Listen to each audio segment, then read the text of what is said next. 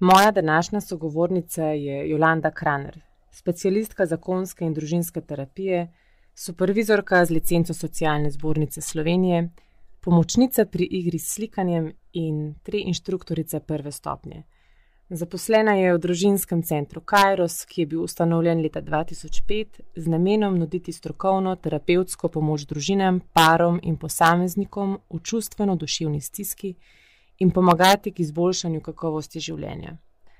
K razumevanju in reševanju nastale problematike poskuša pristopiti čim bolj celostno.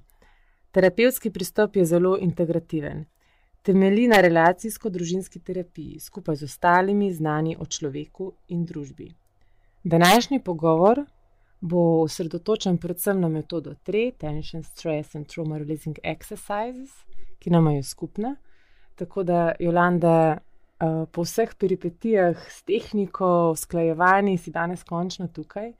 In me zanima, preden ti preden razvijeva pogovor o sami metodi TRE, kako si v svojem telesu, kaj zaznavaš.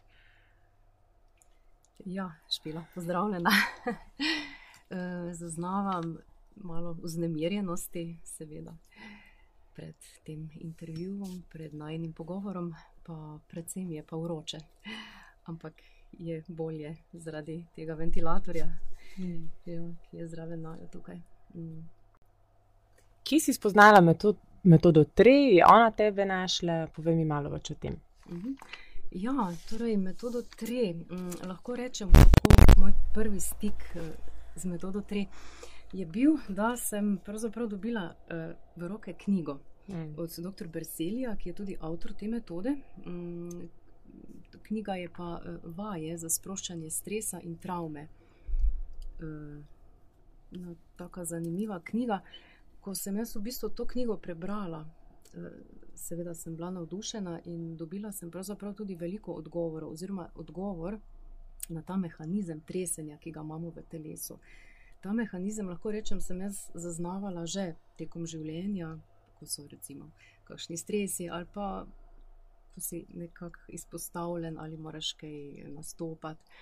In se spomnim tega mehanizma, vendar nikoli nisem imela jaz odgovora, kaj ta mehanizem je. Mal mi je bil v nadlego, zato ker pač, če nekje nastopaš, bi naj bil miren. Ne? Ampak mm.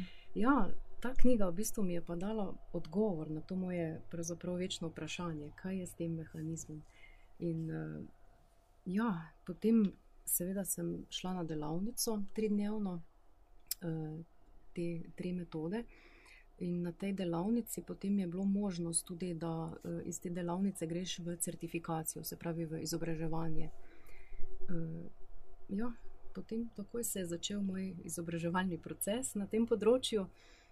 In najprej delo na sebi, seveda, tiste tri mesece začetne, intenzivno, ne, ko delaš, torej vsake tri dni, mislim, da smo delali. Mm. In potem si zapisuješ ta dnevnik, se pravi, spremembe na svojem uh, mentalnem uh, nivoju, potem na fizičnem nivoju, na čustvenem nivoju. In opažanje teh sprememb, in resnično, kako se začne dogajati te spremembe. In seveda bo naše poslušalce bo zanimalo, kakšne so bile konkretne spremembe pri tebi, v tvojem telesu. Mhm. Ja, eh, se pravi, tisto zimo, ja, zima je bila, ko sem začela to, eh, to izobraževanje. Mm, sem opazila, da mi je tisto zimo sploh nisem zbolela, recimo, da bi se prehladila. Se pravi, imunski sistem se je nekako zvišal. Ne? Mm. Ja. Uh, potem začela sem čutiti tudi na spancu. To začneš kar precej hitro čutiti razliko pri spanju.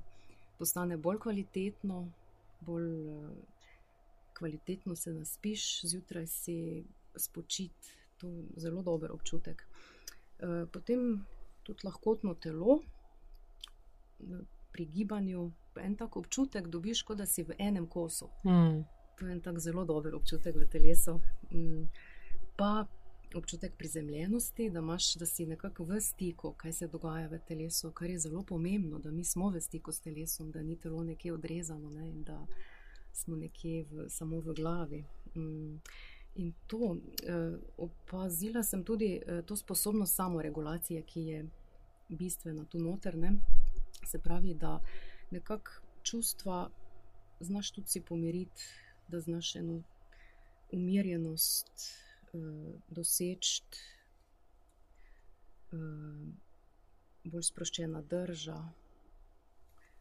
Uh, potem, ja, recimo na miselnem uh, nivoju, tudi uh, razmišljati, mogoče kak miselni vzorec se ti spremeni, tudi, to, tudi na tem področju deluje. To res je ta metoda zelo celostna. Mm. Ja, ko se lotiš najprej na sebi, seveda, potem pa, um, ko začneš delati tudi z drugimi. Ampak, um, ja, na misel mi pride, um, kaj konkretno to tresenje naredi. Okay. Recimo, spomnim se, da sem ja, leta, leta nazaj imela en padec s konja in tam sem imela potem zlomljeno zapestje. In to se je pri metodi 3, ko sem delala, zelo lepo videlo ta vzorec, ne, ko je prav eh, roka delala. Se pravi, mm. z roko se je nekaj dogajalo v tem času ne, in se je sproščala te napetosti. Um, potem spomnim se še enega tega svojega primera, ko Eh, to se je sicer zgodilo na eni delavnici, ko smo bili tri inštruktori eh, na kupu in smo delali tudi, eh, seveda, na sebi, zelo mm. veliko takrat, mm, s pomočjo drug drugemu, s podporo. In takrat sem imela en tak zanimiv vzorec. Ko je bilo moje telo v tresenju, mm, je bil vzorec, kot da me strašno zebe se pravi, zobje so mi šklepetali, mišice obrazne so drgetale in ta zgornji del telesa. Res, če bi nekdo gledal, bi rekel, da me strašno zebe. Mm. Da me zebe res čist ledišče. Ampak v resnici jaz v, ob tem vzorcu. Nisem čutila, da bi me resnično zeblo, samo ta vzorec je telo kazalo ne? in se osvobajalo nečesa. Mm. No, in zanimivo, v bil je samo vzorec, jaz v tekom samega procesa, bom rekla, nisem sploh razmišljala, kaj bi to bilo, ne? ampak sem pač samo se prepustila temu, te aktivnosti del, telesa. Mm, mogoče je bilo malo občutek ene žalosti prisotne, ne? čist na čustvenem nivoju, uh, ampak zanimivo, potem šele nekaj ur po tistem tresenju se je pa pojavil spomin. In ta spomin je bil, uh, kar sam od sebe se je pojavil, ko sem bila majhna, 5-6 let. Se spomnim, da uh, sem se igrala tam na dvorišču pri Omi in pa imela en škaf, kar visok, poln vode. In jaz sem hotela zajemati vodo, seveda iz druge strani, in ker sem bila obuta v lesene cokle, so se, se mi je spodrsnilo in sem se prekucnila v ta škaf. Eh, voda je bila seveda verjetno zelo mrzla in tudi. Eh, ne, in potem se spomnim samo, ko so me ven potegnili iz tega škafa. Ne. In ta spomin se mi je dejansko povezal v resnici z tem vzorcem tresenja. Se pravi, telo je v resnici iztresavalo to energijo, ki je bila eh, v meni takrat zadržana, ker to je bilo zelo stresno, stresna situacija za me, za moje telo. Pravzaprav lahko rečemo, tako traumatična situacija. Mm. Mm, tako da, ja, mogoče bi bilo dobro razložiti, kaj točno ta uh, travma, kaj točno je v telesu. Mm, mhm. okay. ja. V bistvu gre tukaj za energijo, ki je ostala v telesu in ni bila uh, razrešena in sproščena. In tukaj je problem travme. Ne? Ta energija, ki ostane noter v telesu. Zato je tudi, če tako gledamo, ključ za zdravljenje travme, v naši fiziologiji. Uh, Nekako v bistvu treba je prebuditi te svoje globoke fiziološke vire in jih uporabiti. In en tak globok fiziološki vir je ta metoda 3. Mm. Ga imamo v telesu, to je naš zdravitveni, samo zdravitveni mehanizem. V bistvu ta tremor, ki nas zdravi. To se je lepo videlo pri tej. Uh, mojem tresenju, kot da me zebe, ne, telo se je v bistvu osvobajalo te energije, ki je bila takrat zadržana, ko sem jaz kot otrok padla v škaf. Mm. Mm. Pride pa v bistvu takrat ta razrešitev, ko jo telo predlaga. Ne? To smo se tudi pogovarjali, mm. da ni zdaj tako grem na delavnico in se bom osvobodila moje travme, ko sem padla v škaf. Točno tako. Tako ni ideja, da zdaj uh, tresenje, eno tresenje, pa zdaj točno to travmo gremo iztresavati. Ne, to je prepuščeno telesu. Tu telo točno ve, kaj bo naredilo. Tu res inteligenci telesa je prepuščeno. Mm. Uh, tako da, ja, vsej pri ljudeh so različni traumatski simptomi, tudi recimo v mojem delu. Okay. Uh, pridejo ljudje z različnimi uh, simptomi, ampak ja, um, to je ta. In ti simptomi dejansko izhajajo iz tega zamrznjenega ostanka energije, ne, ki je ostala ob nekem stresnem, traumatičnem dogodku. Um, tako da sprej damo potem telesu možnost, da razreši, pa da sprosti to zamrznjeno energijo, ki je ostala v telesu. Mrsi, koga je mogoče strah, da bi vstal v tistem trenutku in ne prišel ven iz njega.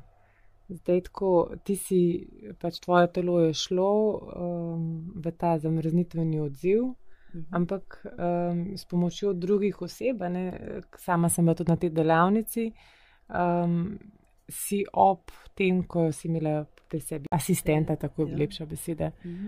um, je v bistvu telo potem to razrešilo.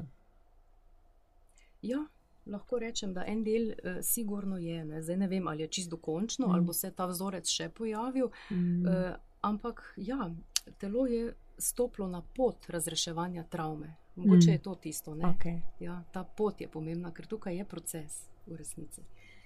Uh, je pa tako, da za to energijo travme je pravzaprav treba delati zelo nežno to je zelo pomembno. Tako da v bistvu ljudi verjetno je strah, ja, kaj zdaj se tresem in da se bo to ustavilo.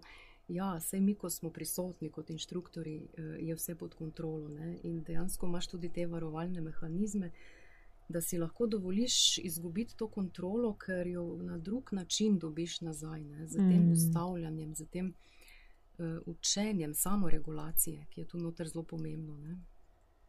Ja. Bi kaj rekli o tem, kaj je samoregulacija, kako jo ti pri svojem terapevtskem delu, kako vidiš to um, glavno smernico, v bistvu, če se strinjaš z mano, no, pri treju, ta samoregulacija, kaj to zdaj pomeni. Uh -huh. Viva, da pri podkastu imamo tudi to samoregulacijo, da če bomo kaj neumnega rekli, lahko zbrišemo, ugasneva. Ne, ja, ja. uh, rekli, se to je pa podobno kot pri treju metodi. Ja, ja, ja. Ne, in koliko to da ene varnosti, ko veš, da imaš nek varovalni mehanizem, se pravi, kako to zgleda, zgleda pri TRE. Uh, mi preprosto ustavljamo ta vzorec, ne? se pravi, telo damo v položaj ustavljanja iz tega vzorca, in takrat je po, počitek, in v tem počitku možgani dobijo impuls, da je sprememba. Ja, ja. E, mogoče mi zdaj na pamet pade en primer, čist iz grške mitologije. E, ja, e, primer samoregulacije. Odisej, ko se vrne nazaj v svoj, e, svojo kraljevino, e, iz tega dolgega potovanja, naleti na. na problem v hiši, se pravi, pri njegovi ženi Penelopi, ki je v veliki stiski, so snupci, ki pač želijo prevzeti to njegovo kraljevino. Ne?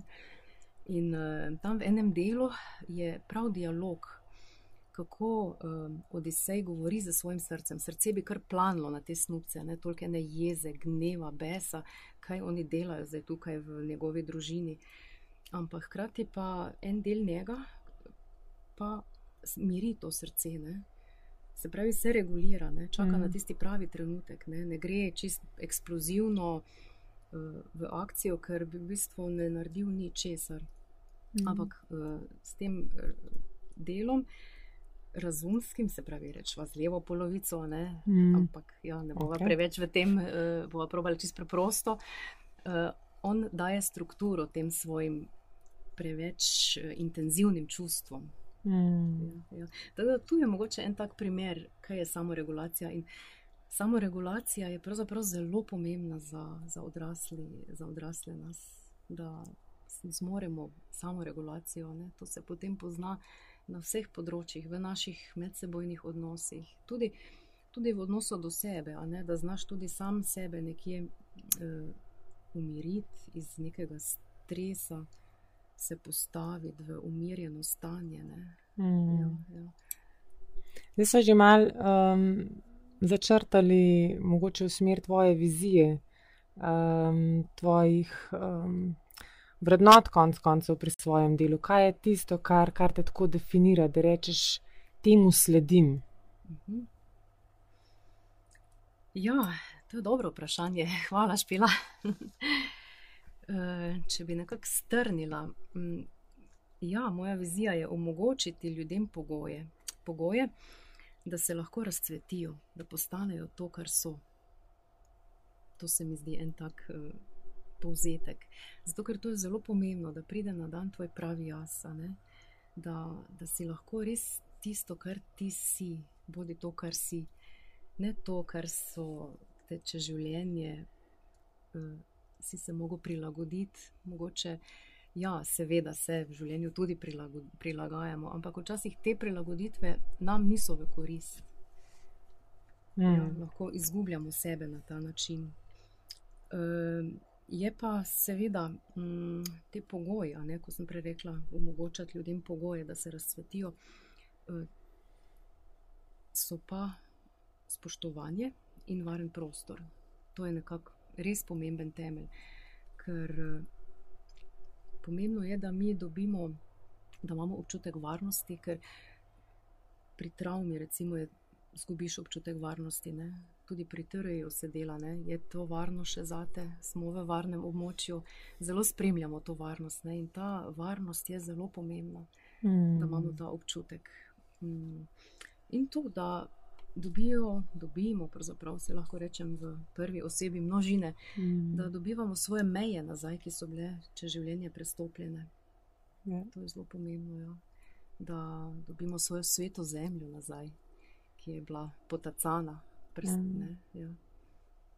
Okay, na različne načine, v družini, v sistemu, ja. kjer so nas popravljali. Ja, ja nikoli nisi dovolj dober, ne, ja, ti ne doživiš tega, da si tudi tako je v redu, ne, ja, se skozi samo popravljam, to lahko ne vpliva v redu, ne. Seveda, nek učni proces je popravljanje, ampak mora biti ena prava meja, mora biti v bistvu ne samo v smislu popravljanja vedenja, ampak tudi občutenje notranjega sveta, mm. posameznika. To je pomembno, da ti ne zgrešiš človeka, kdo je on v, notra, v svoji notranjosti, se pravi njegove potrebe, želje, njegov svet, da, da je to vključeno. Greva na slovenski prostor, tri v slovenskem prostoru. Zakaj? Sama sem si dala vizijo tri vsako gospodinstvo slovensko, malo mal drzna vizija, ampak um, Ja, kje ti vidiš tukaj, da bi lahko tri v slovenskem prostoru nam pomagal, doprinesel k razrešitvi mogoče kakšne večje travme, nacionalne? Mm -hmm, ja, tudi to je zelo dobro vprašanje, špila. Ja, res, uh, tri v vsako gospodinstvo, super se to sliši. Um, ok, prvo se mi zdi, da je pomembno, da mi kot tri. Uh, Skupnost, da imamo eno dobro povezanost, eno tako bazo, ne, da, da je nek temelj, da potem iz tega raste uh, naprej, da se tudi drugi navdušijo. Uh, ja, je pa res to, kar si omenila, ki je treba v slovenskem prostoru. Resnično je velik potencial, velik potencial za pomoč, za razreševanje, za sprostitev te kolektivne travme, ki vemo, da je v našem narodu. Kolektivno ostala, se pravi, govorimo o tej vojni, povojni travmi, ki je še, mhm. ta energija je še prisotna v naših telesih, ne vede. In to je velik naboj. In ja, treba je resnično imeti močan potencial tukaj za, za razrešitev tega, ker aha, na misel mi pride ta uh, verseli. Ja, hvala. uh, njega so prosili za pomoč ena delavnica, takrat je bila, da bi res ta velik mednarodni konflikt, eh, če bi lahko kaj pomagal narediti. In ja, je imel v skupini palestince in izraelce. In seveda, ti ljudje so bili pripravljeni nekako eh, na dialog, čeprav. Preden so šli v to metodo, tri praktično, jim je dal sicer neko skupinsko delo, ampak eh, ni, ni bilo možno. Se pravi, so že nastajala trenja. Mm. po metodi tre, ko jo pa je z njimi izvedel, se pravi z palestinci, izraelci skupaj. Je bila pa taka sprememba. Oni bili tem, niso bili v tem obrambnem stanju, v žilčnem sistemu, in so se potem pogovarjali, in so bili sposobni dejansko doseči sočutni dialog. Naravno. Ja, Kakšna moč je tu noter v resnici? Mm. Ja. Ne, imamo v spominu, da jih je dal najprej posebej, vsa, vsako skupino posebej, potem jih je pa zmešal, vse se ne spomnim, kako je. Uh, ja, ja, najprej je dal uh, jih po ista narodnost skupaj, uh -huh. uh, tam pa jim je neka vprašanja razdelil, tam so se pogovarjali, uh, so zmogli doseči nekaj, ne, so se razumeli, so bili iz iste uh, skupine. -huh. Potem jih je dal, da so imeli po en uh, Izraelec, po en Palestinec, da so. Uh, dobili neka vprašanja in so poskušali odgovarjati, ampak eh, stvar se je razvijala tako, da so bes se je večal, konflikt se je večal, ne, ratalo je kar napeto, menda. Mm. Potem so šli pa vsi skupaj v tresenje. Ne? In po tistem, ko so pa bili mešani v skupini, se pravi Izraelec, Palestinec, mm, se pravi, je pa, bil, je pa bila možnost sočutnega dialoga, celo čutili so se povezani. Zato, ker v živčnem sistemu smo vsi enaki, ne glede na, na ne, narodnost, karkoli. Ne. In ja, ta globok eh, fiziološki vir, ne, ki ga imamo vsi v sebi, se pravi, govoriva pač o tem tremorju, tem mm. neurogenem tresenju, ki ga imamo v telesu, ne, mm. je v veliko pomoč, ker umiri, ker lahko. Eh, ne deluješ iz tega reaktivnega eh, odziva, ne, ko si napadalen, ampak lahko vključiš tudi druge dele možganov, ne? se pravi mm. neokorteks, ki vemo, da se pravi ta višji del možganov mm. neha delovati, če si preveč pod intenzivnimi čustvi, se, mm. se ta čist odklopi.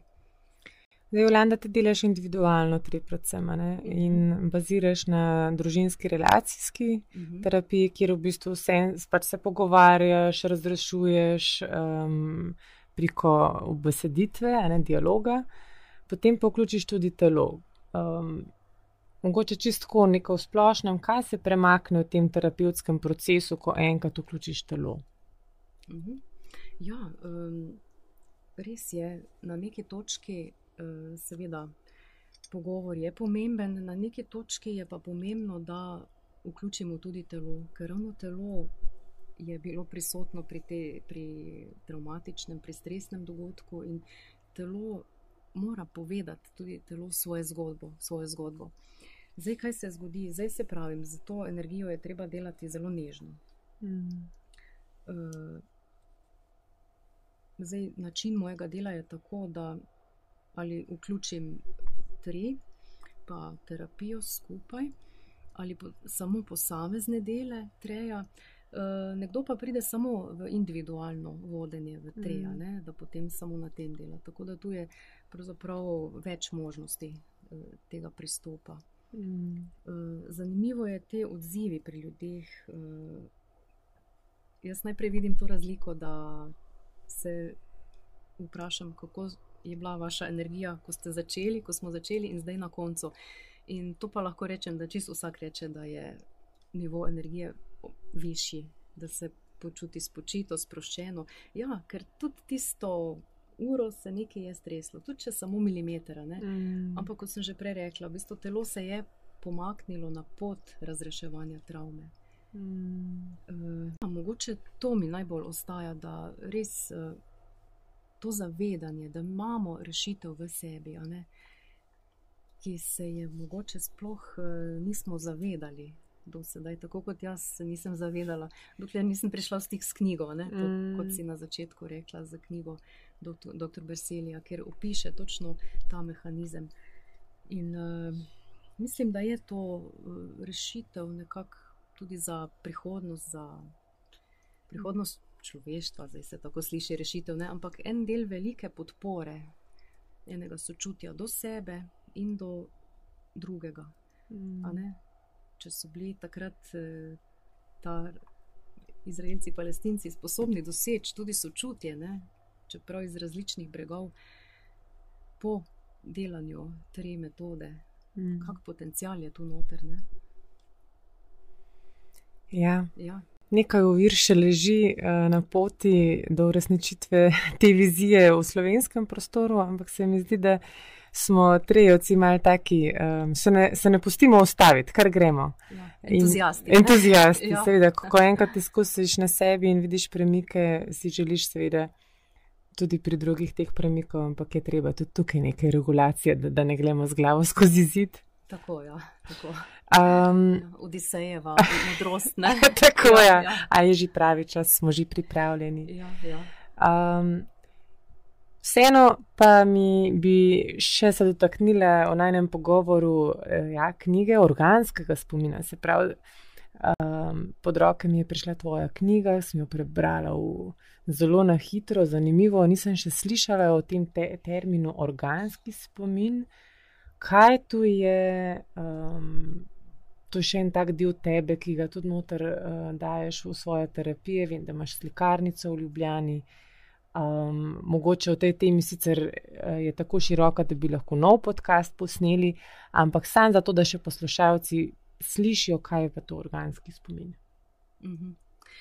Ja, res je špila, to je za čist nov podcast, ker je to toliko obsežna tema. Bom provala nekako na kratko strniti uh, bistvo.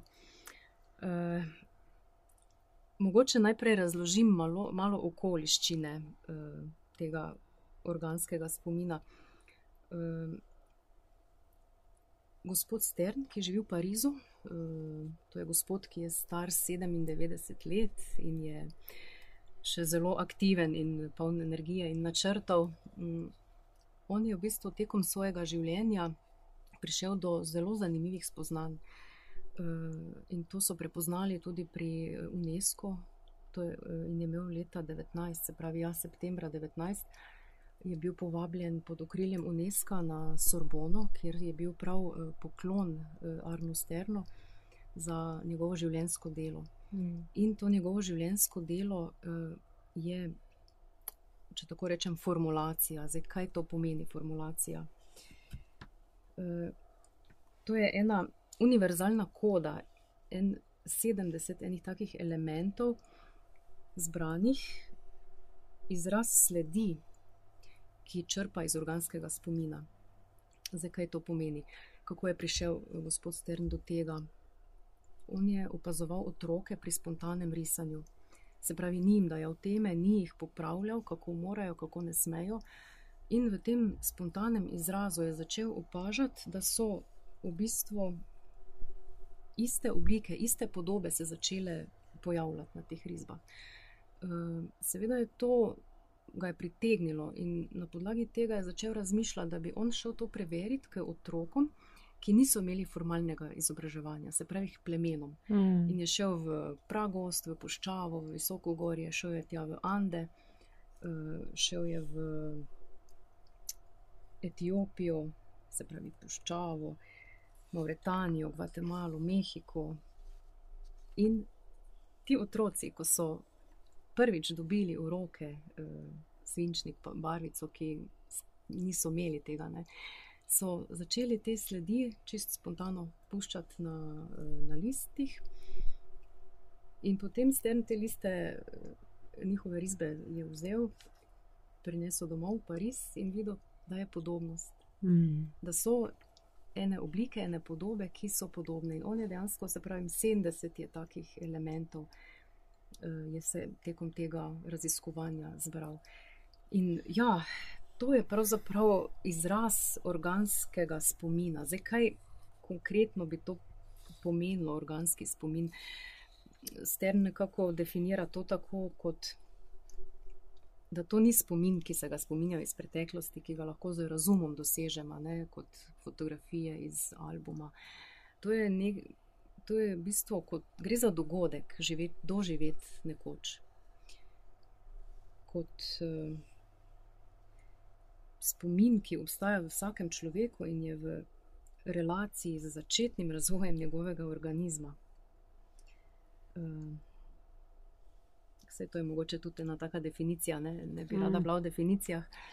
Uh, ja, to je toliko novo, da je mogoče težko razložiti. Ne. Vse stern reče, da uh, on ni proti umetnosti, nikakor ne, ampak mm. on je proti zmešnjavi, ki je na tem področju, mm. proti zmedi, ker otrok bi mogel imeti uh, to dovoljenje, da lahko spontano riše, da mu je dovoljeno, ker potem lahko on izrazi te sledi organskega spomina, kar je zelo pomembno tudi za na, nadaljni razvoj, da ta spontanost ostane v tebi. Ker lahko drugače to spontanost izgubiš, ker ti ne nekno rizbico popravljajo, in se to pozna tudi potem na odraslem življenju. Se pravi, je povezava vseeno, jaz ti vidim, med telesnim in organskim spominom. Praviš, organski spomin začnejo te popravljati in se slika spremeni, podobno pri telesnem spominu. Ne pustijo nam kričati, se trest. Ja, seveda je povezava, seveda je povezava. Vse to je zelo isto, pravzaprav govoriva, ne, v resnici. Ja, ker ta spontan izraz, ta kretna gesta, ne, ali je to na sliki, ali je to kot izraz, ki si ga zdaj opisala, je pomembno, da se izrazi, da ni. Uh, Seveda je pravilno, da se potem tudi kričanje, recimo, regulira, ne? da ne, ne postanemo neki kričavi uh, kot odrasli, da znamo regulirati. Ampak ja, je pomembno ja, ta, ta izraz, da se lahko izrazimo, ker ravno to je problem, da se človek eh, čez življenje, potem, ker je bil toliko popravljen, ne izraža več. In če se ne izražaš več, ne živiš, ne, ne to nisi odrezan od teh virov globokih, ki te pravzaprav lahko dajo smisel, osrečujejo, da si ti živ, ne, da se izraziš, da si to, kar si. Ne. Zelo radi rečemo, bodi to, kar si. In, mm. ja, Mislim, da če skonkretiziramo, organski spomin je nekaj, kar bi jaz začela kracati, ko pridem k tebi in ti ne bi nič me popravljala, ne bi me naučila narisati uh, simetrične stolpnice, ampak bi bila samo zdrava in opazovala, kaj jaz delam. Točno tako, točno tako. Zato je uh, slikarnica en tak prostor, ki je namenjen točno temu, da so te pogoji noter. Se pravi, jaz kot servant uh, držim te pogoje, držim ta prostor, da je to popolno spoštovanje, da ni. Da bi se kdo smejal, recimo, ne, ker si ti mm. nekaj pač narisala, izrazila, ni, je popolno spoštovanje, popolno varen po, prostor in uh, seveda servantova podpora ne, v teh detajlih, ki se tekom praktičnega uh, dejavnosti pokažejo, kaj narediti, kako podpreti.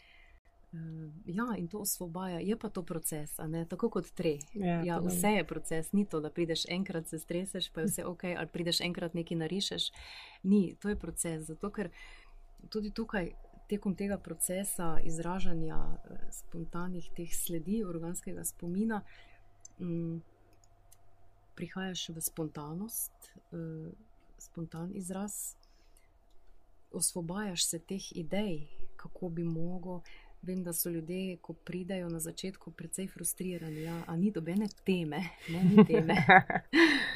Povej mi, kaj ne narišem. Ja, ne, tega tukaj ni, ni teme. Uh, ok, prazen list in izraži, izrazi se. Ne, Maš čopič, barvo izbereš na tej eh, klaviaturi, pod narekovaji barvo, ne, zgleda ta miza kot en tak pianino, barvit. Uh, ja, in je en tak globok proces, ker prihajaš do tega dovoljenja, da se lahko izraziš, da si sprejet takšen, kot si, da, tvoj, da si edinstven, da nihče te ne popravlja, ta mehkoba, ki v bistvu je tu noter. Ne, tako kot mm. sem že prej rekla, ne, nežno, ne, da je treba nežno delati z to energijo travme, ki ostane v telesu. Se mi zdi, da je nežnost tudi tukaj. Mm. Da, s to podporo se lahko ti počasi, kot školkica, odpiraš in prideš ven. Mm. Tvoj pravi jaz, da se pokaže. Ne vem, če prav, da na tem mestu še to odprem bomo videli. Pa se jaz nijem travme, kaj ti že ta sto travmo? Ja, te besede se kar ustrašimo. Ja, ja. Ampak eh, sej, travma, stres, to smo vsi vsak dan v, v tem. Ne? Tudi stres ti pusti eno eh, energijo. In če se ne sprosti, in če ta stres dolgo traja, se lahko prav tako ena taka energija zadržana nabere noter. Ne? Recimo, danes je toliko ene izgorelosti. Tudi tukaj je ta metoda zelo eh, dobrodošla. Kot preventiva, verjetno. Kot, kot preventiva in tudi kot kurativa. Ker eh, sem slišala nekoč eno gospo, ki je bila izgorela, ja, res orenk izgorela in je tudi vključila v svoj proces okrevanja eh, to mm. metodo 3 in je rekla, da je zelo pomagalo. Mm. Ja, ker so to eni taki naboji te zamrznjene energije. Ne? Ja, in ni treba zajemati neke travme, ne? ampak kaj je travma? Sej si videla, travma je tudi to, ko kot otrok padeš v škaf vode mm. in ti lahko ostane. Ne, ne rabi biti kaj, mislim, sej. Stvar ni bila tako, je bila kar ne. Mm. Če me ne bi ven povlekli, da ne ja. bi imela danes intervjuja. Tako je, brezizhodna situacija. Brez... Ko ne moreš ne bežati, ne bojevati se več. Ampak... Tako, tako ja, to, ja. Ko imaš občutek popolne nemoči in ne moreš te energije, ki bi ti služila za beg ali pa za boj, ne, mm. kot si omenila, je ne moreš uporabiti in to ostane polnoter, zamrznjeno. Mm. Ja, in telo samo ima ta mehanizem, to je ta potencial, ta moč, ta globok fiziološki vir, ki ga imamo, to neurogeno tresenje. Če ne drugega, danes, preden smo začeli snemati, je bilo veliko brezizhodnih situacij. Vrata v studio zaklenjene, ljudi ni bilo tukaj, ok, lahko stojiva pred vrati. Ja. Nič ne morava, prideva v studio, ni, delala, ni delal zvok, se pravi, lahko tukaj sediva, se pogovarja, ampak ne morava posneti. V bistvu, če sam eh, gremo čez vsak dan, koliko je nekih takih situacij, ko rečeš, ok, cesta je zaprta, modi se mi v službo, mm. nič ne morem. Ja in kaj se takrat začne dogajati v naših telesih. In a to sprostimo potem na moža, ko pridemo iz službe, ali imamo mogoče kakšen vir, ki ga lahko uporabimo in s tem ne poškodujemo drugih.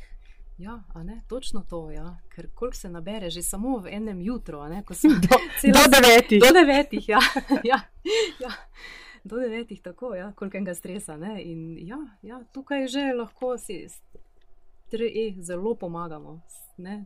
da ni treba potem stres na koga od domačih, mm. ja, da dobi to energijo. Ja, ja. Tako da z Jolanda so se dogovorili, da po končanem snimanju se greva obi eh, še malo strest. Eh, kaj boste pa vi v prihajajočih dnevih, tednih, mesecih delali um, z namenom, da se sprostite, je pa v bistvu vaša odločitev.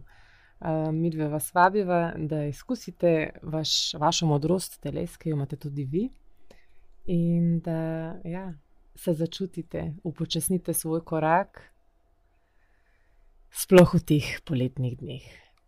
Tako da, Jolanda, res hvala za tvoj čas, um, za tvojo res modrost, ki jo imaš, za tvojo energijo, intuitivno, um, umetniško. Mi je bilo veselje te spoznati uh, in se mi zdi, da nadaljujem to pot um, spoznavanja ostalih tri praktikov v slovenskem prostoru. Hvala tudi tebi, Špela. Ja.